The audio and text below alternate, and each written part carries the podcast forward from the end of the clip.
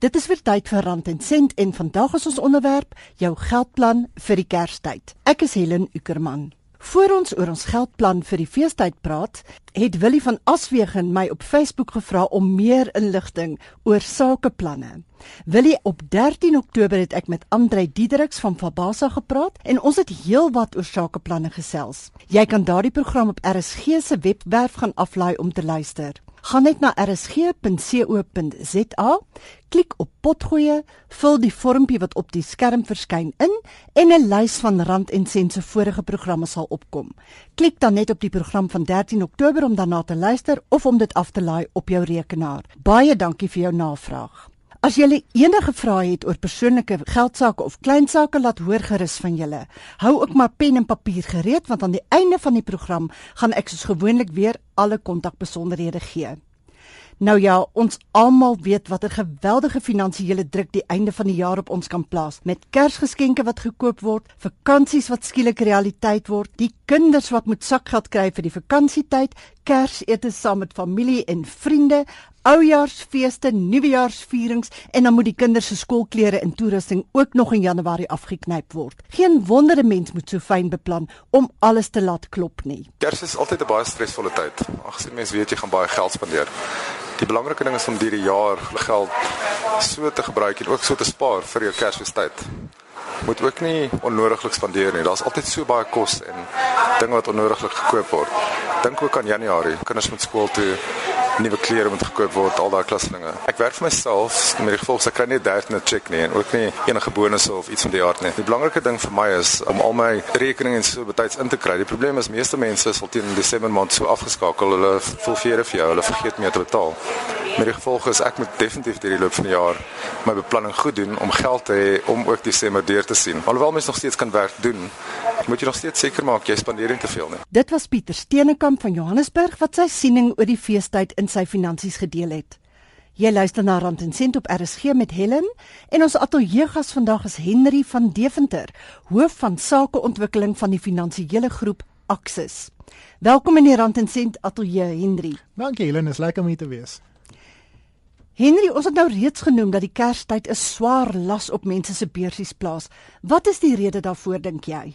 Wel, ek dink in die eerste plek, die eerste twee punte is redelik algemeen vir meeste van ons, nie regtig eintlik nuus nie. In die eerste plek as mens op vakansie gaan, nou ja, vakansies is duur. En as mens buite vakansieseisoen na dieselfde plekke toe gaan, dan sit snaaks om te sien hoeveel goedkoper dieselfde dinge is. Die tweede ding is daar's geskenke en die res van al die ander uitgawes wat ons nie normaalweg deur die loop van die jaar het nie. Maar ek dink die eintlike uitdaging vir ons Helen is 'n baie eenvoudige reël wat ons al vir so lank hoor. Tyd is geld. En soms werk daai reël nie in ons guns nie. Want die werklikheid is as jy 'n week of 2 gaan vat en jy gaan by die huis sit en jy het skielik 8 of 10 ure per dag wat jy andersins sou besig hou by die werk, gaan jy verveeld wees. En daar's ook maar net so lank wat mense op die bank kan sit voordat jy angstig begin word en verveeld begin raak. Die realiteit is, as ons nie besef wat die impak van daai ekstra 8 ure op ons dag gaan wees nie, is kanse baie goed dat ons heelwat meer geld gaan uitgee om daai tyd vol te maak as wat andersins die geval sou gewees het. Hoe los mense hierdie situasie op, Henry? Hoe haal 'n mens hierdie spanning van jou af sodat jy ook die eerste maand in die nuwe jaar kan geniet sonder dat die gelddruk 'n mens in die nag wakker hou? Wel ek dink eh, een van die groot gevare wat ons in die oë staar is die feit dat ons as mense maar redelik kortsigtig is. Ons ons neig om te fokus op die korttermyn in die maand wat voor lê eerder as as op die volgende 2 of 3 maande wat voor lê. En dit raak veral moeilik as ek 'n lekker Desember bonus gekry het of 'n 13de cheque gekry het, want vir daai volgende maand het ek heelwat meer geld in my bankrekening as wat andersins die, die geval sou gewees het. So wat ons nodig het om te doen om hierdie situasie aan te spreek is ons het eers nodig om te dink nie alleen aan wat my Desember uitgawes gaan wees nie en terloops maak seker dat jy genoeg in jou begroting het vir daai geskenke wat jy nodig het om te koop en vir daai leë tyd wat jy gaan volmaak in jou lewe maar hou ook in gedagte dat Januarie lê in knor. En in Januarie is daar gewoonlik skoolfooie, skooluniforms, al daai ander uitgawes, nuwe klere vir die werk en skoene en die res van die goederes. En as ons nie daai uitgawes in gedagte hou nie, is dit regtig nie veel van 'n verrassing om te sien dat meeste mense vir hulself teen die 1 Januarie 'n lekker diep gat gegrawe het nie. En jy praat nou van begrotings. Wat beteken dit om te begroot en hoe doen 'n mens dit? Wel, ek dink die, die eenvoudige reël is uh, rondom 'n begroting is die is die goue reël om seker te maak jy spandeer minder as wat jy verdien. En dit klink baie maklik, dit klink baie eenvoudig, maar hier is 'n 'n redelike angswekkende statistiek. Die gemiddelde Suid-Afrikaner van elke R100 wat hulle verdien, per maand wat hulle huis toe vat, spandeer R75 op skuld. En die rede hoekom hy skuld daar is is omdat ons nie baie goed daarmee is om slegs te spandeer wat ons verdien nie. So die werklikheid is as dit kom by 'n begroting, het ek nodig om 'n baie goeie idee te hê rondom hoeveel geld inkom, hoeveel geld gaan uitgaan. Weet en veral as 'n mens kyk na Desember, Januarie, want daar kom meer geld in as gewoonlik en daar gaan meer geld uit in Januarie en Desember as gewoonlik. En wat ons neig om te doen is ons pas ons Februarie tot November reëls toe op ons Desember en Januarie omgewing en dit is baie verskillend. So ek moet mooi verstaan wat my uitgawes gaan wees en hoe dit anders gaan wees en hoe my inkomste anders gaan wees oor daai 2 maande. Baie mense begroot glad nie. Watse praktiese raad het jy vir hulle? Hoe begroot 'n mens? Hoe begin jy?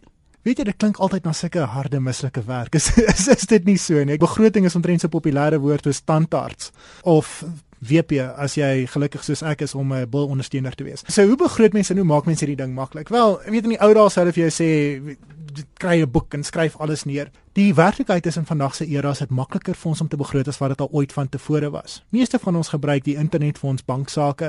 Meeste van ons kry via SMS bevestiging van wat ons uitgawes en dies meer is. So rondom begroting, hierso is die Henry van Deventer shortcut rondom hoe om begroting te doen in minder as 10 minute. Asseblief moet my nie time op hierdie een nie want kanse is dit kan miskien 12 minute neem. Trek 'n bankstaat wat jy baie vinnig uit jou bankstaat uit sal sien is tipies elke maand die goederes waarop jy jou geld uitgee en tipies elke maand wat die inkomste is wat inkom. So daar's jou inkomste en jou uitgawes kolom van jou begroting. Trek 'n lyn deur daardie paar eenmalige uitgawes soos mediese onkoste of weet blomme vir jou vrou, daai goederes wat omtrent nooit gebeur nie, een keer in 'n blou maan. En vir die res gaan dit jou los met 'n baie goeie idee van wat jou gewone inkomste en wat jou gewone uitgawes is. Nou as jy voel en as jy vind jy's meeste van die tyd finansiëel in die knyp, is kans redelik goed dat jou uitgawes groter of gelyk aan jou inkomste is. So wat 'n ou nou wil doen is as jy gaan deur daai lysie van uitgawes Diferensieer tussen twee verskillende tipes. Diferensieer aan die eerste plek tussen jou moet hê uitgawes, dis gewoonlik my geld wat ek spaar, my huis, kos, betaal vir my kinders, my kar, jy weet al daai al daai goederes wat 'n mens vir moet betaal, versekerings, al daai tipe dinge. En aan die ander kant onderskei eerder as jou moet hê items jou lekker om te hê items. Dis tipies jou speelgoed, luksehede, vakansies, weet opgraderings, 'n groter kar of 'n of 'n nuwe bank of 'n uh, nuwe selfoon of al daai weet uit eet, al daai al daai wonderlike dinge. En terloops ook uh, vir doeleindes van Desember, Januarie, jou vakansieaktiwiteite en moontlik daai ekstra geld wat jy gaan uitgee. So nie alleen waarop jy geld uitgee nie, maar waarop jy graag wil geld uitgee. En as daai uitgawes en daai inkomste nie 'n positiewe verskil in jou guns het nie, begin kyk na daai lekker om te hê uitgawes. En wees gedissiplineerd om om 'n streep te trek deur daardie wat nie suiwer noodsaaklik is nie. So eerder as wat jy elke maand kry, miskien elke 2 maande of miskien elke 3 maande. Die snaakse ding is, as jy eers weet wat daai dinge is, is 'n ou se gewete 'n wonderlike ding. Is een van die min gevalle waar jy gewete in jou guns werk. Want dan as jy jouself begin vind dat jy geld uitgee op die dinge, weet jy genoeg om te stop en dat dit nie in jou breër plan inpas nie. As jy spaar of jy belê geld, dan is dit mos ook 'n uitgawe, nê? Nee, ek dink baie mense dink as hulle spaar of hulle betaal geld aan ander, dan sien hulle dit half nie as 'n uitgawe nie. Maar ek dink dit moet ook op jou uitgawelys wees. Dis baie baie waar. En en ek dink as 'n ou gaan kyk na 'n paar van daai finansiële oorwegings en is regtig waar mislik om te dink aan daai dinge en te praat oor daai dinge want ons hou nie daarvan om te dink oor geld nie. Maar die paar basiese dinge behalwe vir jou gewone lewenskoste en dis maklik. Ons weet wat daai goeders is. Die verdere dinge waar vir mense spesifieke plan gaan nodig hê is in die eerste plek jou skuld as jy skuld het. Almal van ons het 'n strategie in plek nodig wat gaan seker maak dat ons so vinnig as moontlik van daai skuld ontslae kan raak. En daar's 'n paar kort paaie wat 'n mens kan vat daar rondom 'n paar maklike dinge wat mens kan doen. Ons sal miskien later daaroor praat. So die eerste een is, hoeveel gee ek uit op my skuld? En ideaal wil ek meer betaal as wat nodig is. Punt nommer 2, hoeveel van my geld spaar ek? Jou riglyn moet wees omtrent 15% van jou inkomste voor belasting, minimum. Hoe jonger jy is, hoe nader aan 15 sal jy wees, hoe later jy begin spaar, het, hoe hoër sal daai getal wees. So vir elke R100 voor belasting wat ek wil verdien, wil ek ten minste R15 wegsit. En die derde ding waarvoor ek voorsiening wil maak is vir daai versekerings. Die korttermynversekering as jy kar in jou huis breek en die langtermyn goed as jou lewensdekking, jou ongeskiktheidsdekking, al daai gewone tipe items waarvan ons regtig nie hou om te dink nie. En dis hoekom as jy dit reg doen is een keer 'n jaar genoeg om dit te hersien, solank soos wat jy iemand het wat aktief daarna kyk vir jou. Maar jy moet seker wees dat jy bo op jou gewone begroting 'n strategie in plek het vir jou skuld, jou beleggings en jou versekerings. Kom ons kom terug na Kersfees toe. Jy weet soos wat 'n mens nou 'n noodfonds het, eh, soos vir onverwagse mediese onkoste of jou motor se bande wat bars.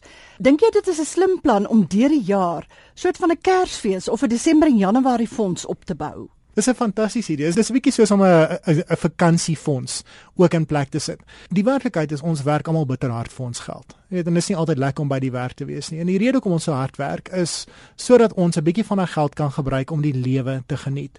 En om daai rede is dit soms nogal hartseer om te sien dat daar soveel van ons is wat nie op die vakansies kan gaan of die goederes kan koop wat ons graag wil nie, want ons is so besig om te oorleef. En die eenvoudige rede is ons dink nie aan wat daai goederes is en ons het nie 'n strategie vir daai goederes in plek nie. So behalwe vir 'n noodfonds en 'n noodfonds is iets wat mens moet hê. Want as jy onvoorsiene mediese uitgawes het byvoorbeeld of daar's onvoorsiene skade in jou huis of versekeringsbybetalings of of wat ook al daai ander dinge is, jy daai bosblomme vir jou vrou een keer elke 2 en 'n half jaar. Wanneer hierdie goeders opkom, het jy iewers 'n pool nodig waarvan jy kan afskep. Die werklikheid is dat meeste van ons het net een pool. En weet dis ons noodfonds en is ons vakansiefonds en is ons bederffonds en is ons nuwe karfonds en is dis al daai goeders sommer saamgegooi in een pot. Dis 'n regtig slegte idee want as dit kom by ons bederfgeld, ons vakansiegeld, ons geskenkgeld, ons Desembergeld, Daardie is beplande uitgawes. Ons weet wanneer hulle gaan kom en ons weet hoeveel daar beskikbaar gaan wees as dit in plek is. Die doel van 'n noodfonds is om te fokus op onbeplande uitgawes. En die laaste ding wat ek wil doen is om Desember weg te gaan op vakansie. Ek gebruik my noodfonds om te betaal vir al daai ander vakansieuitgawes. Ek kom terug, hulle het by die huis ingebreek en ek het nie geld vir my versekeringsbybetalings of die swembad wat gelek het of al daai ander goederes nie. So jy moet definitief 'n plan en 'n strategie vir beide in plek hê. Jy's by Rand en Sint met Helen op RSG 100 tot 104 FM en ons gesels met Henry van Deventer, sakeontwikkelingshoof van die finansiële dienste maatskappy Axis, oor hoe jy jou geld sake oor die Kerstyd in toom kan hou. Henry, wat maak jy nou as jy besig is met daai begroting en jy het nou alles opgetel en jou uitgawes is meer as jou inkomste? Hoe keer 'n mens daardie situasie om? Wel, in die eerste plek moet nie te hard wees op jouself nie. Dit maak jou nie 'n slegte mens of 'n swak mens. Die realiteit is meeste van ons is nie daarmee goed om ons geld te bestuur nie. Maak nie saak hoe ryk jy is nie. Aarde weet daar's genoeg miljonêers daar buite wat al alles een of twee keer verloor het in hulle lewe. En weet jy Helen, is interessant dat jy daai punt lig want 'n ding wat ek vind rondom meeste mense is ons hou nie daarvan om te dink oor ons geld en te kyk na ons geld nie. 'n Deel daarvan is wat in die eerste plek dis so kompleks en moeilik, dit laat ons redelik dom voel en dis nooit lekker nie. So as jy finansiële adviseur jy laat dom voel, kry jy 'n adviseur. En in die tweede plek, ons hou nie daarvan om slegte nuus te hoor nie. Ons is so bang vir daai slegte nuus. Wel, as jy in 'n situasie is waar jou begroting nie uitwerk nie. As jy in 'n situasie is waar jy meer geld uitgee as wat jy inbring. Vir meeste van ons lê die eerste stap rondom 'n praktiese oplossing rondom skuld want die werklikheid is meeste van ons het te veel daarvan. En ek het al met soveel mense gepraat wat weet dit is nodig om meer geld te spaar. En die eerste vraag wat hulle vra is: "Maar Henry, as jy net vir my kan wys waar om die geld te kry om te spaar, dan sou my lewe soveel makliker gewees het." Maar punt nommer 1, maak seker jy het 'n skuldstrategie in plek. So, as jy vind jy spandeer meer geld as wat jy uitgee. Ons het gepraat oor die begrotingsoefening. Sny daai lek om te hê uitgawes so laag af soos wat jy kan. Stap 1. Stap 2, daai moet hê uitgawes. Die verseker versekeringe en die onkoste in die res. Kyk of jy daai vaste onkoste so laag as moontlik kan afbring. sien of jy 'n laer kwotasie kan kry vir jou korttermynversekering. Dalk betaal jy meer as wat jy nodig het op jou selfoonkontrak en so aan en dis meer. En as jy daai twee items uitgebring het, begin kyk na jou skuld en begin met jou duurste skuld. Duurste skuld beteken daardie skuld waarop ons die meeste rente betaal. Dis tipies jou kredietkaart, kledingsrekeninge, meubelrekeninge, al daai tipe goederes. As dit 'n rekening in 'n winkel is of 'n kredietkaart is, wil jy dit waarskynlik nie hê nie. Begin by een kaart of een rekening en vir 'n bepaalde periode rondom die geld wat jy spaar omdat jy minder uitgee op die ander areas, betaal daai ekstra geld by jou skuld in. Totdat daai rekening afbetaal is. En wanneer daai rekening afbetaal is, maak hom toe, sny die kaart stukkend en vergeet daarvan. En so begin jy asemhalingsruimte skep. Sodat teen die tyd as jy 'n verhoging kry in Maart, April, dan ewe skielik het jy 'n klomp ekstra geld, jy het minder skuld en dan kan jy regtig suksesvol begin spaar. So jy sê mens betaal nou eers jou duurste skuld af, die met die hoogste rentekoers, oh ja. en as dit klaar is dan beweeg jy na die tweede duurste een toe. Absoluut. Absoluut. Tot tot jy uiteindelik hier is die uitdaging.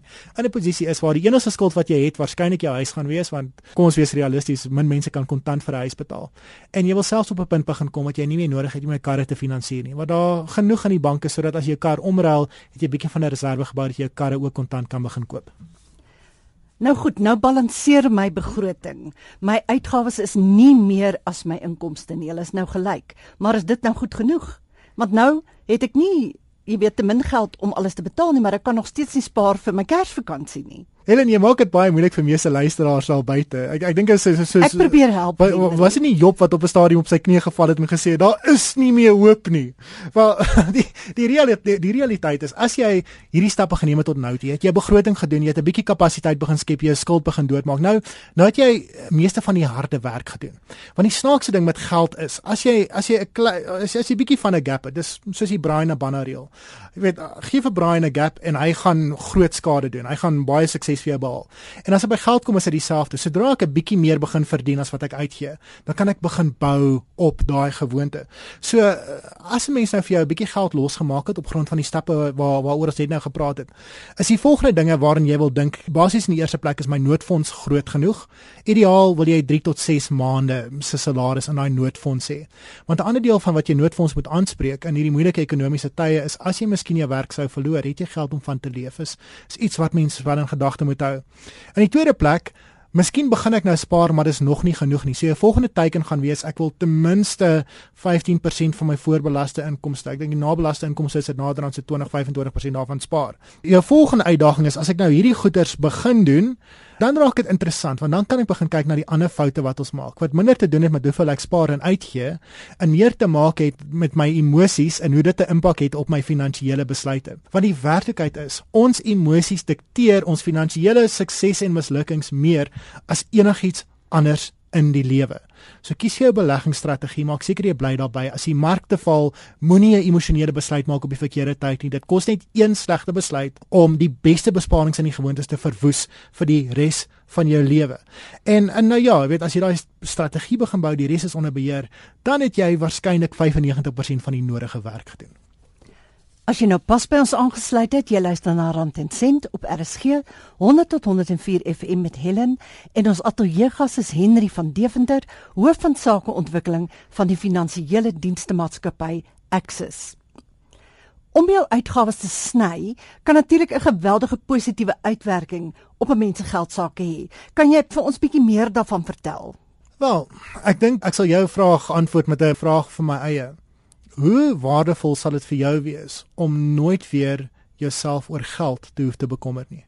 En mense is snaaks op op daai manier. Veral as jy kyk na die generasies deesdae. In die ou dae was finansiële beplanning iets wat gegaan het oor aftree. En aftree was iets wat jy gedoen het op ouderdom 65, dan gaan sit jy op die stoep en jy kyk na jou goue horlosie en en basies jy jy tel die tyd totdat daar nie meer tyd oor is nie. Maar die werklikheid is vandag met die sogenaamde baby boomers wat begin aftree. Ons sien vandag rondom aftrede dat mense nie meer wil stil sit nie, gaan waarskynlik aktief wees vir die res van jou lewe. So ons begin minder dink aan aftreebeplanning en meer dink aan beplanning rondom finansiële onafhanklikheid. Wanneer het ek genoeg geld sodat ek kan bekostig om op te hou doen wat ek moet doen en kan bekostig om te begin doen wat ek graag wil doen? Want dan raak die lewe vir 'n mens geweldig geweldig belonend. En ek dink die die basiese waarheid, die basiese doel agter finansiële beplanning is om 'n mens toe te laat om jou geld te gebruik op die mees betekenisvolle moontlike manier. Weet 'n vraag wat mense ook kan vra is as geld nie 'n probleem was nie, hoe sou jou lewe anders gewees het? En as 'n mens bietjie begin dink oor daai vraag, nou ja, daarin lê die waarde en die beloning van goeie finansiële beplanning. Nou en jy moet nou nie dat ek nou daaroor begin dink nie. Ons het hierdie program begin deur te sê Kerstyd is baie duur en vir baie mense eintlik 'n baie swaar finansiële las. Kom ons raak nou 'n bietjie heeltemal prakties, né? Op watter manier kan 'n mens daarop voorberei en seker maak dat jy nie in die feestyd te veel geld uitgee nie of te min geld het om te doen wat jy wil hê. So dis nou Januarie, sê nou maar. En oor 12 maande is dit Kersfees. Die Januarie Kersfees situasie dink ek is 'n is 'n groter luukse as wat meeste luisteraars daar buite het want Desember klop. Dis dis dis 4 weke of wat met die pad af. In die eerste plek behalwe vir jou gewone begroting, behalwe om te verstaan hoeveel geld jy inbring en uitgee in 'n gewone maand, het jy nodig om te verstaan wat anders gaan wees in Desember en Januarie. Wat daar uitgawes gaan wees en jy het nodig om seker te maak jy sit genoeg daarvan op sy. Dit praat rondom vakansieuitgawes, dit praat rondom daai Januarie skooluitgawes en klere-uitgawes en die res van die goederes wat daarmee saamgaan. Dit praat ook met goeder soos 'n geskenkbegroting. En in die snaakse ding is, definitief in in ons huishouding, uh, ons het nie veel vriende nie. Ons is klomp dokters en prokureurs. So ons sit maar met mekaar opgeskeep wanneer Desember maand kom. In 'n lokval Helen waarin ons begin val het op 'n stadium was, weet jy nou het 'n groter geskenk vir die ander ou begin koop as as verlede jaar. En en dit raak onnodige kompetisie. Hier's 'n vraag vir die luisteraars. Kan jy onthou wat jy laas jaar vir Kersfees gekry het? As jy enigsins soos ek is kan jy waarskynlik nie. So so in daai geval wil 'n mens miskien regtig daaraan dink, wil dit ek nodig om aan hierdie geld op geskenke uit te gee. En as jy 'n familie is, miskien maak dit sin om met mekaar ooreenkomste te en te sê, okay, weet hierso hierso is ons begroting vir geskenke. Ons sal weet 'n R100 of R200 per geskenk elk betaal en dis wat ons kry. Dis regtig nie eintlik so so 'n groot opoffering te maak nie want 'n maand later gaan 'n geskenk waarskynlik al reeds vergeet wees in jou lewe. In die tweede plek, in Desember Januarie, spaar voor jy spandeer. Jy weet wat daai uitgawes gaan wees. Moenie daai geld lopend in jou rekening hou vir wanneer Januarie kom nie, want dis nou maar net menslike natuur. As die geld daar is, sal ons dit uitgee. Dit is nou maar net hoe ons werk met geld. Maak seker jy sit daai geld eers op sy op 'n plek waar jy dit nie maklik in die hande kan kry nie, waar waar die temptasie nie gaan klop elke keer as jy by die winkelsentrum instap en al daai ekstra tyd nie. Weet wat jou bestedings beperk is. So nou dat ek deur hierdie oefening gegaan het, ek weet hoeveel geld ek kan uitgee in Desember en Januarie en op geskenke en dis meer weet wat daai bankrekening limiet is wat jy wil slaan. Hoopelik is dit nie 0 rand nie, dis 'n bietjie hoër dat daar 'n bietjie van 'n kussing is. En die fantastiese ding van die tegnologiese era is mense kry deesdae SMS kennis van elke liewe transaksie wat deurgaan. En elke liewe keer as jy iets koop, is daar 'n nuwe lopende bankrekening saldo op daai SMS. Maak seker dat daai saldo nie verby die punt loop wat jy vir jouself gestel het nie. En ek dink in die laaste plek, nou ja, met al daai ekstra tyd, jy hoef nie noodwendig op die duurste moontlike manier deur te bring deur winkels toe te gaan en dis meer nie. So eerder as wat jy die kinders flieks toe vat en weet flieks deesdae veral een van hierdie 3D films met brille en die res is belaglik duur. Dalk maak dit meer sin om 'n lekker DVD te kry. Weet om om bietjie te sit om saam met die kinders te gaan stap, bietjie cricket in die tuin te speel. En snaaks genoeg mense kry meer kwaliteit tyd deur dinge te doen saam met jou familie as deur geld uit te gee saam met jou familie. So dalk moet jy bietjie anders daar rondom begin dink en jy gaan baie bly wees jy het dit gedoen. Baie mense word natuurlik oor die Kerstyd gered deur hulle jaarlikse bonus. Maar baie mense kry nie daai bonus nie, soos mense wat vir hulle self werk. Tensy hulle ook gespaar het vir hulle eie bonus, maar hulle kry nie sommer net 'n bonuspersent nie. Hulle moet natuurlik dan ook hulle eie dinge reël, né? Dis ongelukkig so nie. In die antwoord is 'n baie maklike een. Trouryk. Maar as jy nou nie as jy nou nie daai luxe het om ryk te kan trou nie. Weet aarde weet my vrou het nie te goed gedoen op op daai manier nie. Is daar 'n ander benadering wat jy kan volg? As jy nie 'n jaarlikse bonus kry nie, kan jy of aanvaar jy gaan nooit een kry nie in jou vakansietyd gaan maar 'n redelike bleek tyd wees of alternatiefelik kan jy jou eie vakansiereserve of jou eie 13de cheque begin spaar. Die maklike manier is elke maand wanneer jy jou salaris kry, vat 'n 12de van jou salaris. So as jy ag ek weet nie, weet 5 of 10000 rand 'n maand spandeer, jy dis minder as 1000 rand, dis omtrent 800 rand en 'n bietjie. Jy vat 800 rand, sit dit op syne plek waar jy dit nie maklik in die hande kan kry nie en laat dit net ophoop deur die loop van die jaar. En raai wat, as Desember kom, daar's skielik 'n ekstra 10000 rand vir jou. Nou as jy nou sê 'n plek waar jy dit nou nie maklik in die hande kan kry nie, gee gou vir ons voorbeelde daarvan. Wel, as dit 'n korttermynbesparing gaan wees. Ek weet ek gaan hierdie geld nodig kry, miskien oor 3 of 4 maande wanneer die vakansie kom maak nie altyd sin om dit in die mark te druk in effekte trusts of of aandele nie want daai tipe beleggings oor die kort termyn het baie groot op en af bewegings. Daar's baie hulle noem dit volatiliteit. So daar's 'n goeie kans dat my R10000 teen Desember miskien R7000 gaan werd wees aan die aan die einde van 'n slegte jaar kyk na eenvoudige goeder soos vaste deposito weet dan baie baie vaste deposito's wat mense kan hernie op 'n maandelikse basis mense kan miskien kyk na goeder soos 'n geldmarkfonds 'n redelike 'n lae risiko konservatiewe belegging waar jy net rente gaan verdien en daai geld gaan jy aan die einde van die jaar. As jy die fasiliteit het, 'n goeie plek vir beide 'n noodfonds en vir daai ekstra bietjie spaar, is die sogenaamde access bond. Ek is nie seker wat die Afrikaanse term daarvoor is nie. 'n Toegangsverband Ek het dit opgemaak. Ek dink so, dit is 'n toegangsverband. Jy is heeltemal reg. So as as jy verband het en jy kan nie ekstra geld daarin stoot. Solank jy seker maak jy lê nie jou hande daarop wanneer die temptasie opkom nie. Is dit ook 'n baie gemaklike manier om jou geld te spaar en terselfdertyd seker te maak jy betaal bietjie minder rente na jou verband toe. En vir daai ekstra bietjie geld wat oorbly, nou ja, weet dan daai ekstra geld kom as 'n mens die bonusse kry of wie daai bietjie geld van SARS af terugkry. 'n Dissipline wat ek gewoonlik in plek probeer sit is spaar helfte van daai onvoorsiene winste en gebruik jy res om jouself te bederf. En nou ja, voordat jy jouself vind, is jou huis 5 jaar vinniger afbetaal as wat jy beplan het en glo my, om daai ekstra verbandgeld in jou sak te hê elke maand maak 'n enorme verskil.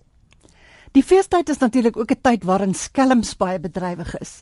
Hulle is maar altyd op die uitkyk om iemand in te doen, maar nog meer so in die feestyd as baie mense meer geld het as in die res van die jaar. Hoe belangrik is dit om jou persoonlike besonderhede baie mooi op te pas, veral in die feestyd? In die feestyd meer as enige ander tyd, maar so ook in die res van die jaar, het elektroniese misdaad, jou kredietkaart bedrog en al hierdie transaksies waarvan jy nie weet nie wat twee in die oggend in jou kaart af van dit het 'n meer algemene ding geword. So ek dink die eenvoudige waarheid is 'n mens moet veral in die vakansietyd geweldig waaksaam wees. Wat jy praktiese dinge wat mens kan doen? Wel in die eerste plek, wees miskien versigtig vir uh, daai kompetisies byvoorbeeld wat jy in Desember sien jy stap iewers in. Meneer of mevrou, as u net vir ons die persoonlike besonderhede kan gee en dan kan jy miskien 'n prys wen. Wel, wees baie versigtig rondom die tipe besonderhede wat jy weggee. Wat die banke altyd vir jou sê is moet nooit jou bankrekening besonderhede vir enigiemand bevestig oor die internet nie. Jou bankrekening besonderhede gee dit of direk vir jou bankier via gesprek, maar vir niemand anders nie. Jou kredietkaart as hy transaksies plaasvind, probeer jou kredietkaart voor oë hou ten alle tye. Jy weet as iemand begin verdwyn in 'n agterkamer met 'n kredietkaart, is dit 'n rede om angstig te word. Dis deesdae nie meer nodig nie. So mense het nodig om vrae te begin vra as dit wel die geval is. Vir die res as al daai ander tipe temptasies kom, hier's hier's 'n aardige en kontroversiële punt. As jy stop by die lughawe of jy kom iewers aan op vakansie, meneer of mevrou, asseblief help my. My kind se busgeld is gesteel of sy treingeld is gesteel of sy tas is gesteel, het u nie miskien vir my daai ekstra bietjie geld nie? Veral oor die feestyd voel ons baie meer groothartig. Maar die werklikheid is sonder om sinies te klink, jy weet baie van die tyd dit maar net 'n manier om 'n ou se ekstra geld van jou af weg te wurg. So wees waaksaam vir daai tipe situasies. Henry, baie dankie. Waar kan mense jou kontak? As hulle ons wil kontak, kan hulle na ons webwerf toe gaan www.accessacces.co.za en hulle kan onder private clients en access strategic partners ingaan. En daar sal julle lys wees in die omgewing in jou streek mense met wie jy kan gaan praat. Hulle kan my volg op Twitter as hulle wil by Winnie Vidi Henry. Dis uh, V E N I V I D I Henry en jy kan my op e-pos kontak by Henry, dis H E N R Y van Deventer @access.co.za. Ek gaan gou Henry se kontakbesonderhede herhaal. Die webwerf van Access is access.co.za en dit is A C S I S. Henry kan op Twitter gevolg word by @wennywidihenry of jy kan hom e-pos by henry.vandevender@access.co.za. Dit was dan Henry van Devender, hoof van sakeontwikkeling van Access. Baie dankie vir die saamgesels Henry. Dankie julle. Tyd vir die kontakbesonderhede. Ek hoop julle het daai pen en papier reg. Julle kan my volg en vrae stel op Twitter by @HelenUckerman of op Facebook by Rand en Sent Helen Uckerman en ek kry vir julle 'n kenner om daardie vrae te beantwoord op 'n volgende program. Jy kan ook e-pos stuur na helen.u @gmail.com. Onthou ook dat jy hierdie program in MP3 formaat kan aflaai van RSG se webwerf rsg.co.za. Nou ja, dit is dan al vir hierdie Sondag. Dit is Helen wat groet. Stuur asseblief daardie vrae en ek hoop julle het 'n baie lekker week. Tot volgende Sondag om 04:30.